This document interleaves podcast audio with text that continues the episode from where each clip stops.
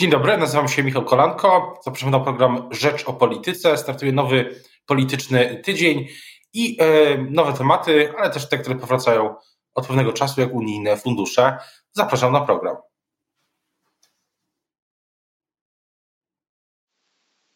Dzień dobry Państwa i moim gościem w poniedziałek jest Dariusz Wieczorek, sekretarz klubu Lewicy w Sejmie, poseł na Sejm. Dzień dobry. Dzień dobry, witam pana redaktora, witam państwa. W, ubiegłą sobotę Lewica zorganizowała konwencję w, dotyczącą energii. Tam jednym z postulatów było to, że, że Polska powinna odejść od, od węgla do 2035 roku. Czy to, czy to w ogóle jest do zrealizowania w takim przedziale czasowym? No, wszystko jest do zrealizowania i trzeba sobie stawiać e, ambitne plany, żeby e, można było później z tych planów się rozliczać. Problem jest taki, że rząd, rząd Zjednoczonej w prawicy doprowadził nas do katastrofy energetycznej bo przypomnę, że w roku 2016 podjęli e, panowie ze Zjednoczonej Prawicy z panem premierem na czele decyzję, że węgiel będziemy wydobywać jeszcze przez 200 lat i będziemy z tym węglem żyli do końca świata jeden dzień dłużej.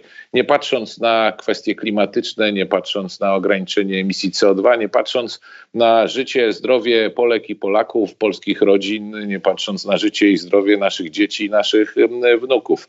Jaki jest tego efekt? Efekt tego jest taki, y, że y, ceny energii y, dzisiaj zarządów Prawa i Sprawiedliwości wzrosły trzykrotnie, będą wzrastały jeszcze bardziej. Niestety mam smutną informację dla nas wszystkich w roku 2023. A dlaczego tak się dzieje? Dlatego, że nie postawiono na odnawialne źródła energii. Gdyby wtedy w 2016 roku postawiono na odnawialne źródła energii, a nie zablokowano budowy farm wiatrowych, to tylko dla porównania powiem, że dzisiaj y, cena y, energii z tych y, elektrowni węglowych opartych na węglu wynosi 1000 zł, natomiast jeżeli chodzi o energię produkowaną z wiatraków, ona jest zakontraktowana na poziomie 200 zł za megawattogodzinę, pięć razy taniej. W związku z czym nie jest prawdą, że za ceny energii winę ponosi Unia Europejska, wojna, pandemia, nie ponosi rząd. No, wracając do, do tych pomysłów, wracając do tych pomysłów lewicy, też yy, mówi pan, że warto stawiać ambitne cele, a czy to jest cel, który podzielają inne partie opozycyjne, bo yy, wszystko na to wskazuje, że jeśli yy, doszłoby do zmiany władzy, to kolejny rząd byłby rządem szerokiej koalicji. Czy, czy czy widzi pan? Ja mam wrażenie, mam wrażenie, że jeżeli chodzi o ten temat, tutaj jest e, zgoda na e, opozycji. Wszyscy wiedzą, że e, trzeba chronić klimat, wszyscy wiedzą, że trzeba odchodzić od węgla i trzeba dzisiaj zaproponować rzeczywiście uczciwą energetyczną transformację w trosce i o bezpieczeństwo energetyczne Polski, ale w trosce i o ludzi, którzy dzisiaj w tej branży pracują. I wszystkie ekspertyzy mówią, że rzeczywiście podjęcie decyzji o zielonej transformacji spowoduje, że będzie jeszcze więcej miejsc pracy niż w tej chwili w górnictwie. To wszystko można zrobić. Trzeba tylko podjąć decyzję, a nie się e, oszukiwać, tak jak to e, dzisiaj próbuje robić Zjednoczona Prawica. No ale czy nie jest tak, że e, czy nie jest. Właśnie co to znaczy ta, ta sprawiedliwa transformacja, uczciwa, jak pan powiedział, transformacja energetyczna? Co to, co to, co to w praktyce oznacza? W praktyce oznacza y, po pierwsze odejście od y, węgla, po drugie odejście od produkcji energii elektrycznej opartej na paliwach kopalnych, obojętnie czy polskich, czy zagranicznych, bo przecież z Rosji też sprowadzaliśmy węgiel po to, żeby go spalać w polskich elektrowniach. Po trzecie to troska o tych, którzy dzisiaj w tej branży, w tych elektrowniach, w tych kopalniach e, pracują. No i po czwarte, e, to jest ta zeroemisyjna gospodarka, czyli ambitny plan, że w roku 35 e, nie będziemy mieli produkowanej energii z źródeł, które zatruwają środowisko.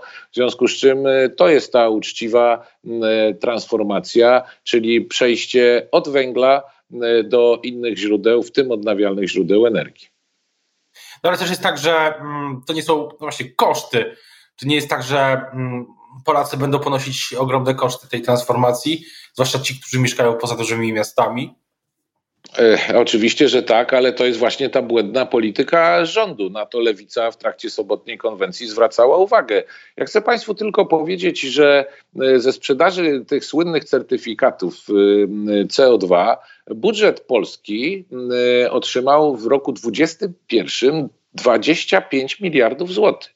To są środki, które powinniśmy przeznaczyć na transformację energetyczną, czyli mówiąc krótko, na inwestycje chociażby w sieci elektroenergetyczne, bo żeby była jasność, wtedy rachunki za energię nie będą rosły e, w takim tempie, jak rosną e, w tej chwili. A co rząd robi? Rząd wrzuca te 25 miliardów do budżetu, chwaląc się, jakie świetne ma wyniki, jeżeli chodzi o e, budżet państwa, po czym ustalając taryfy, wpisuje wszystkie inwestycje w energetykę, e, obciążając e, klientów. Bo żeby była jasność, za te wszystkie e, ulotki, które Państwo dostajecie, za tą propagandę, to my płacimy jako odbiorcy energii elektrycznej, za te wszystkie naprawy, za pogotowie energetyczne, za inwestycje w sieci energetyczne płacimy my jako odbiorcy. I my mówimy tak, te wszystkie pieniądze, bo po to jest y, cały ten system wprowadzony, te wszystkie pieniądze ze sprzedaży tychże certyfikatów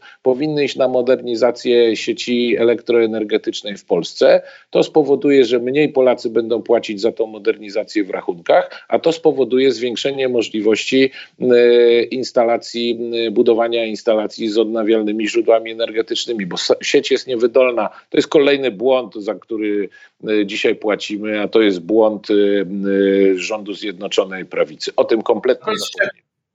Na koniec jeszcze w tym e, wątku pytanie o wojnę. No mówi pan, że wysokie ceny energii wojna nie odpowiada, ale czy nie jest tak, że a z drugiej strony jest taki nurt dyskusji, że skoro e, właśnie wybuchła wojna i e, ważna jest kwestia niezależności energetycznej, to nie, nie, nie, powinno się odchodzić od węgla.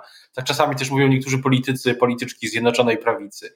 Co pan na to, że węgiel jest naszym źródłem nie, no właśnie takiej energii, która jest nie su, suwerennym. To, to, to hasło też się tutaj pojawia. No ale suwerennym źródłem energii jest e, słońce, e, woda i wiatr, bo to jest też nasze polskie źródło energii. Absolutnie ze względu na wojnę, wojna pokazała błąd polityki energetycznej prowadzonej przez ten rząd, na co zwracaliśmy uwagę jako lewica, że odejście od odnawialnych źródeł energii to jest uzależnienie się właśnie od źródeł kopalnych i to jest wielki błąd.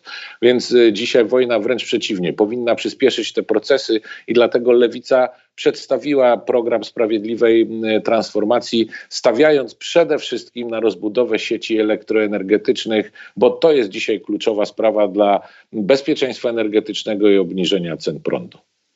Przechodząc do innych, e, do innych tematów, czy pan się spodziewa, że e, unijna, że unijne fundusze w tym roku, to też, jest, to też się wiąże z inwestycjami w energetykę oczywiście, zwłaszcza odnawialną. Czy spodziewa się pan, że w tym roku unijne fundusze z Krajowego Planu Odbudowy na początek popłyną do Polski?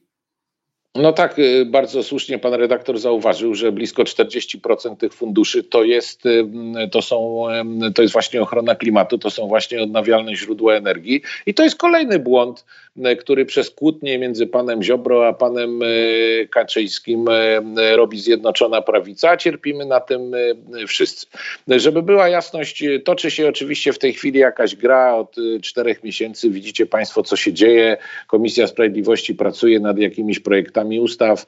E, oni tam e, dyskutują, to są jakieś pozorowane, e, pozorowane działania, nic w tym zakresie się nie stało. Te komisje są co chwila przesuwane. Jest pytanie, jaki będzie ostateczny kształt tej ustawy. Przyznam się szczerze, że oprócz propagandowych zapowiedzi, że jakieś milowe kamienie są przyjęte, coś zostało przyjęte, Właśnie, wierzmy. Premier Morawiecki, wierzmy premier Morawiecki mówi tak, że wszyscy powinni poprzeć ustawę prezydenta, bo i, i Solidarna Polska i opozycja w Sejmie, bo to zapewni właśnie te fundusze i to jest test dla, dla wszystkich.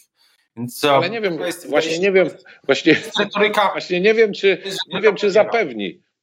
Ja, ja bym powiedział tak, jakby mm, poparli ustawę mm, lewicy, to jestem w 100% pewny, że zapewni mm, środki z KPO, bo to jest ustawa wprost realizująca wyrok CUE. Natomiast w przypadku tej ustawy tu jest wiele zastrzeżeń. Ona po pierwsze, jeżeli chodzi o sędziów uznanych przez CUE za nielegalnych, mówiąc krótko, nie, nie stawia w stan spoczynku, tylko ci sędziowie będą gdzieś dalej orzekać.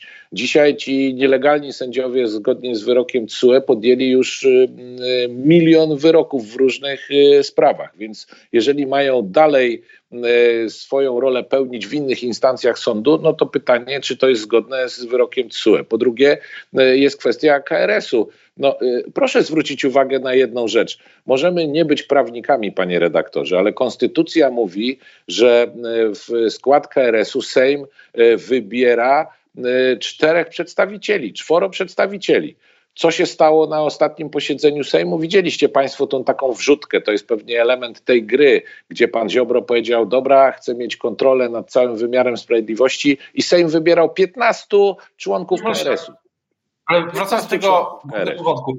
W tej chwili, w tej chwili lewica nie, nie będzie, nie widzi powodu, żeby głosować za ustawą prezydenta. No my nie wiemy w ogóle, jaka ostateczna będzie ta ustawa. Nasze wszystkie poprawki odrzucono, wszystkie poprawki opozycji odrzucono, w związku z czym dzisiaj nic nie wskazuje na to, żebyśmy za taką ustawą mogli głosować z tego względu chociażby, że ona absolutnie w naszej ocenie nie odblokuje środków z Krajowego Planu Odbudowy. Pewnie to jest robione tak. Przyjmiemy jakąś tam e, ustawę, która niczego nie zmienia. E, Unia Europejska powie nie, ona nie wypełnia tych wszystkich e, wymagań, jeżeli chodzi o wyrok CUE i będziemy będziemy mieli gigantyczną propagandę w Polsce. Zobaczcie Państwo, jaka Unia Europejska jest zła. Nie. Unia, Unia Europejska nie jest zła. Zły jest rząd Zjednoczonej Prawicy i rządząca większość i te kłótnie między panem Ziobro a panem Kaczyńskim. Minął ponad rok od tego, gdy Lewica poparła decyzję o zasobach własnych Unii Europejskiej i e, rozmawiała wcześniej e, z rządem. I czy to co się wtedy, co się i później wydarzyło, ma wpływ teraz na Państwa podejście, no, nawet do tej ustawy prezydenta? Nie, absolutnie nie. My y, wiemy, że zrobiliśmy dobrze wtedy i dzisiaj historia pokazuje, że zrobiliśmy bardzo dobrze. Zdajecie Państwo sobie sprawę, co by było, gdyby Polska nie przyjęła y, Europejskiego Funduszu Odbudowy. Nie byłoby środków w całej Europie, a my rzeczywiście bylibyśmy na marginesie y, Unii Europejskiej. Więc to są dwie różne sprawy. My głosując za tym funduszem podjęliśmy decyzję jako państwo, państwo, y, że jesteśmy w Europie i chcemy tego funduszu. Natomiast szczegółową sprawą jest y, Krajowy Plan Odbudowy i to są kwestie, które ustalają rządy y, poszczególnych krajów. W związku z czym my uczestniczyliśmy w tym procesie, bo jesteśmy odpowiedzialną opozycją. Tam się znalazło wiele zapisów, które proponowaliśmy. Natomiast absolutnie pełna odpowiedzialność, że ten plan nie jest wdrażany, a co za tym idzie, nie ma środków na inwestycje, rośnie inflacja, mamy problemy ekonomiczne, pełną odpowiedzialność za to ponosi polski rząd. I dzisiaj mówimy o ustawie, która ma odblokować te środki i dlatego Lewica złożyła swoją ustawę. Natomiast ta ustawa prezydencka to jest y, jakaś taka próba znalezienia chyba kompromisu między panem Ziobro a y, PiSem, ale ja bym radził wszystkim, my patrzmy na to, jak skutecznie odblokować środki, a nie patrzmy w tych sprawach na wewnętrzną politykę. O tym, ten, ten w czwartek posiedzenie Sejmowej Komisji Sprawiedliwości i Praw Człowieka w przyszłym, w przyszłym tygodniu Sejmie być może to właśnie mm, głosowanie, o którym mówię, ale na koniec chciałbym jeszcze zapytać o kolejne plany lewicy, była ta, wspomniałem, rozmawialiśmy na początku o konwencji w sobotę dotyczącej energetyki. Y, co, co dalej? Czy szykuje się na przykład jakiś szerszy, y, czy, szersze, czy, czy kolejne takie plany będą przedstawiane też y, do wyborów? Tak, tak, oczywiście, że tak. Lewica pracuje programowo. My mamy wiele przedsięwzięć, które planujemy. Najbliższe, na które mogę zaprosić, to kwestia związana z obchodami wejścia Polski do Unii Europejskiej 21 maja. Zapraszamy wszystkich parlamentarzystów do Warszawy. Później 4 czerwca duży kongres europejski Europejski w, we Wrocławiu. Później rozjeżdżamy się po kraju, no bo ten okres letni to jest okazja do tego, żeby się spotkać i pewnie kwestie kolejne, które, o których będziemy rozmawiać, to kwestie mieszkaniowe, kwestie dotyczące samorządów, kwestie dotyczące rolnictwa. Mamy cały plan przygotowany no, do jesieni 2023 roku. My po prostu planujemy, bo chcemy przedstawić wizję Polski po rządach PiSu. A widzi pan y, możliwość, albo po prostu prawdopodobne, że y, te wybory, o których pan wspomniał, w przyszłym roku będą pod y, rygorami nowej ordynacji wyborczej zmienionej? Czy PiS się na coś takiego zdecyduje i czy to w ogóle jest y, y, wykonalne? Czy państwo jako lewica też to bierzecie pod uwagę? No, PiS się może zdecydować na wszystko, żeby utrzymać się przy władzy i nie mam co do tego żadnych y, wątpliwości. Natomiast y, jak się PiS zdecyduje, mam nadzieję, że prezydent w tym szaleństwie y, PiS podtrzyma, no bo dzisiaj powstrzymanie tych zapędów y, jest istotne z punktu widzenia absolutnie funkcjonowania demokracji w Polsce. Ja bym nie chciał, żeby tak jak y, y, Zjednoczona Prawica mówiła, w Polsce były drugie Węgry czyli zmiana ordynacji pod to, żeby tylko rządzący mogli wygrywać e, wybory.